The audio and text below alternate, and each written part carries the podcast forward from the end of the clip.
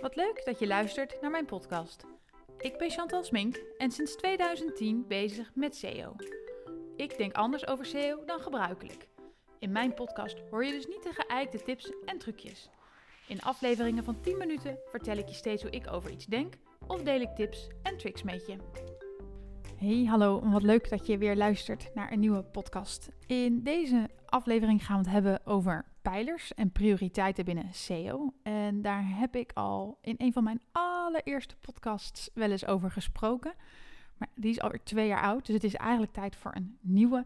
En daarbij had ik laatst een poll op Instagram waarbij jullie aangeven dat jullie hier iets over wilden horen. Dus nou ja, daar gaan we. Hè. U vraagt, wij draaien. Um, pijlers en prioriteiten binnen SEO. Laten we het eerst eens kijken welke pijlers hebben we. Ik denk dat dat bijna algemene kennis is. Um, we hebben techniek, sitestructuur, content en links. Dat zijn van oudsher de pijlers waar het om gaat in SEO. Wie met SEO iets wil, kan aan deze knoppen draaien. Nou, bij techniek hebben we het over zaken uh, die gaan rondom crawlen en indexeren van jouw content. Dus kan Google jouw content lezen? Um, verwerken en mag hij die content opslaan in de index, de bibliotheek. Nou, dan heb je een aantal uh, dingen die erbij komen kijken. Uh, als we het hebben over canonical text, gaat het om techniek, statuscode, uh, redirect, de href langs heb je misschien wel eens van gehoord, metatag robots, de XML sitemap. Dat zijn allemaal dingen die gaan binnen techniek. En um, bijvoorbeeld de Core Web Vitals update, waarbij het gaat om de termen LCP, FID, CLS vallen ook onder techniek. Nou, ik ga je er niet veel, te veel mee vermoeien wat dit is, want dit komen we al snel een beetje op een soort van nerdy afdeling. En wat ik weet uit mijn trainingen is als we het hierover gaan hebben, dat uh, creatieve marketeers uitchecken en um, hun telefoon erbij pakken en iets anders gaan doen. Dus ik wil het hierbij laten. Ik heb een aantal dingen nu genoemd. En je zou eventueel wel kunnen zeggen, structured data valt ook binnen techniek. Dat is een stukje code waarmee je bij Google aangeeft: dit is een video, hier gaat het over, dit is de inhoud, hier host ik hem. Nou, dat kun je ook doen voor podcasts, voor producten, uh, voor boeken, voor events. Er zijn een aantal dingen die Google uh, gebruikt, ook reviews, waarbij je zegt: dit is een review. Je kan een beoordeling geven van 1 tot 5 sterren. Dit is de inhoud, dit is de naam. Nou, dat zijn allemaal stukjes code. Dan heb je de pijler sitestructuur en dat gaat eigenlijk om waar binnen de website staan jouw belangrijke pagina's. En dit is een van de allerlastigste pijlers om aan te tweaken. Um, en daar kom ik helemaal aan het eind nog een keer op terug. Maar het idee hierachter is dat een pagina die je niet via klikken kunt bereiken in de site, zal niet zo belangrijk zijn. En wat we vroeger nog wel eens deden met elkaar, waren, uh, was pagina's maken waarvan je zei, ja, die heb ik echt voor SEO gemaakt en die wil ik ook niet aan mijn navigerende gebruiker tonen. Dus die pagina's maakte je, werden in de XML sitemap gezet, een soort van plattegrond van jouw website, maar hadden in de website geen rol. Kon je dus niet door te klikken van de ene naar de andere pagina, kon je die niet vinden. Dit zijn orphan pages, weespagina's. Nou, dat zijn van die dingen in sitestructuur, dat werkt gewoon niet meer. Als jij een pagina niet in het klikpad van jouw website hebt, en daarmee bedoel ik niet meteen je menu, maar gewoon via klikken niet kunt bereiken, is dat wel een belangrijk teken voor Google. Nou, dan hebben we de pijler content. Um, en dan gaat het natuurlijk over, ja, wat ik altijd zeg, waar je over schrijft, daar kun je op gevonden worden. Um, en dan zijn er optimalisatiemogelijkheden. Dus de title tag, de meta description, de headings, alt teksten. Daar moet je dan aan, uh, aan denken. Um, maar content is natuurlijk ook de, een podcast op je pagina of een video of een afbeelding. Dat kan je ook onder content zien. Het is dus alles wat op jouw pagina staat. Wat je denk ik inmiddels wel weet als je mij volgt, is dat ik onderscheid maak tussen content en SEO-content. En ik vind dat eigenlijk niemand meer SEO-content moet maken. Nou, als je daar meer over wil weten, kun je in mijn andere podcast um, je hart ophalen. Maar SEO-content is niet goed genoeg om de strijd in Google mee te winnen. Nou, en dan hebben we de pijler links. Uh, links is van oudsher ook een, uh, een, een ja, pijler, die zit al zo lang in. En toen duidelijk werd dat Google hier naar keek, gingen we met z'n allen dit ding misbruiken. Voor Google is een link een aanbeveling uh, van de ene website naar de andere. Dus als websites naar jou linken, zo hadden de oprichters bedacht, dan moet jij wel een hele waardevolle pagina hebben. Anders zouden websites hun eigen verkeer toch niet naar jou doorsturen. Nou, little dit deno zeg ik altijd, want links kun je overal kopen, krijgen, ruilen uh, en vinden. Dus dat is op een gegeven moment uitgewerkt. Dat is niet wat Google ermee wilde. Dus links zijn een soort van uh, middel om een doel vast te stellen. Hoe, ja, hoeveel autoriteit ben jij? Hoe belangrijk ben jij? Nou, dan zie je ook de verschuiving daar nu ontstaan. Hey, Google uh, accepteert niet zomaar meer alle links. Links die je kunt kopen, links vanaf startpagina's. Die willen ze gaan negeren. Er zijn nog steeds CEO's die zeggen, werkt hartstikke goed. Mijn aanpak is het niet. Dus um, links zijn belangrijk, maar ik vind dat je ze op een andere manier moet krijgen. En wat ik zeg, je wilt eigenlijk linkjes hebben die niet te koop zijn. Nou, en dan kom je een beetje bij de vraag van, hè, als dit nou de vier pijlers zijn, welke pijler of factor is dan het belangrijkste? Moet je nou vol inzetten op techniek, op content, sitestructuur of met linkbuilding aan de slag?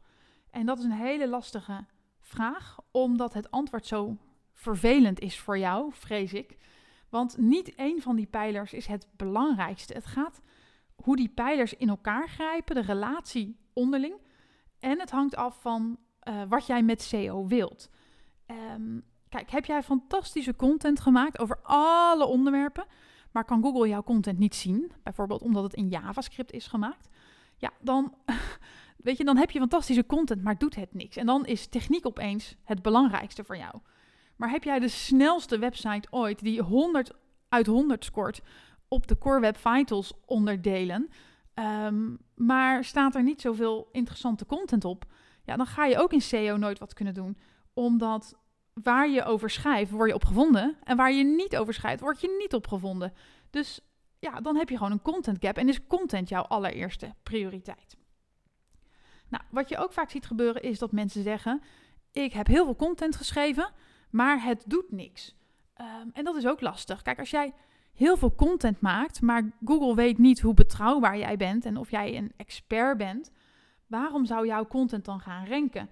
En dan noem ik altijd het voorbeeld van mijzelf. Hè. Ik ben met een redelijk nieuwe website aan de slag over SEO. Um, ik kan schrijven tot ik een ons weeg, maar ik ga maar heel weinig verkeer krijgen, zeker op belangrijk termen, als Google niet weet wie ik ben en mij niet als uh, autoriteit kan zien. Dus als jij heel veel content hebt, wordt daarna het opbouwen van autoriteit en het krijgen van links onwijs belangrijk. Dan is dat jouw eerste prioriteit. Nou, en hetzelfde is als jij heel veel links hebt of vermeldingen, maar weinig content. Ik heb ooit jarenlang voor een, uh, het grootste goede doel in een bepaalde sector gewerkt. En die hadden zoveel autoriteit aan linkjes, dat als ik morgen een nieuwe pagina online zette, stond die direct op één. Dat was gewoon, dat was bijna een gegeven. Die kon alle andere partijen eruit concurreren. Nou, en dan geeft dat dus ook aan dat als jij zoveel autoriteit hebt, maar niet die goede content, is dat weer jouw eerste prioriteit. En um, wat ik ook zei, het hangt ook van jouw markt af. En dan komen we een beetje op het, uh, denk ik, het stukje techniek. Kijk, techniek is een basisvoorwaarde. Het is een hygiënefactor. Kan Google jouw content niet crawlen en niet indexeren, dan heb je een probleem en moet je dat als aller, aller, allereerste gaan oplossen. Maar werkt dit allemaal goed en zitten jouw pagina's gewoon goed in die index, dan ben je, denk ik, redelijk snel uitgepraat met het verder uh, optimaliseren op het gebied van techniek, omdat het goed genoeg is, waarschijnlijk. Anders wordt het als jij bij de mediamarkt werkt en jij wil concurreren met Coolblue, ja, dan gaat het echt tot in die uiterste puntjes van techniek. En kan het misschien wel op tiendes van Core Web Vitals gaan aankomen. Dus dan blijft techniek heel erg belangrijk. Um, dus hoe jij dit moet zien hangt af van wat jij wil. Als jij morgen een reiswebsite wil maken en jij wilt concurreren met een TUI, ja, dan um, heb je niet voldoende aan techniek als het geen showstoppers heeft. Dan moet je gewoon ja, top-notch je technische status op orde hebben. Um, en wat betreft structured data, ik vind het geen showstopper. Dus als je het niet hebt, uh, zou ik altijd zeggen: we gaan wel wat live met een website bijvoorbeeld. Maar al, eh, als je het wel hebt, doet het wel veel voor je. Dus ik zou het als laaghangend fruit binnen techniek beoordelen. En dat is een beetje hoe ik het uh, zie. Ehm, dus op enig moment, ik denk dat je het soort van tijdlijn moet zien. Hè? Hoe meer je ontwikkelt qua content en autoriteit, hoe belangrijker andere dingetjes van techniek worden. Die komen op een bepaald moment, jouw tijdlijn invliegen. Dus ehm, voor mijzelf, hè, ik ben nog zo aan het bouwen met content en reputatie, zijn core web vitals totaal niet belangrijk. Er zijn bigger fish to fry. Nou, zo moet jij dat ook voor jezelf gaan bepalen. Nou, en wat je vaak ziet is dat heel veel partijen, wat ik al zei, hè, die maken content en denken dat alleen het schrijven van die content voldoende is. En uh, in een eerdere podcast zei ik het al, ik zag daar laatst een die uh, uh, wilde op reisonderwerpen meedoen. Ja, en dan wordt het gewoon lastig als je alleen content hebt, want er zijn zoveel websites die over jouw reisonderwerpen ook al schrijven. Dat content alleen waarschijnlijk niet meer voldoende is. Dat was tien jaar geleden, vijf jaar geleden misschien nog, maar dat wordt gewoon steeds moeilijker. Google wil weten hoeveel waarde moet ik hechten aan jouw woorden. En dan kom je een beetje op het verhaal met linkjes uit. Dus heel veel partijen zeggen: Ik heb voldoende content, nu ga ik linkbeelden. Maar ik denk niet dat dat werkt, want Google wil niet, wil niet linkjes die te koop zijn. Dat zijn niet de linkjes waarmee je het verschil gaat maken.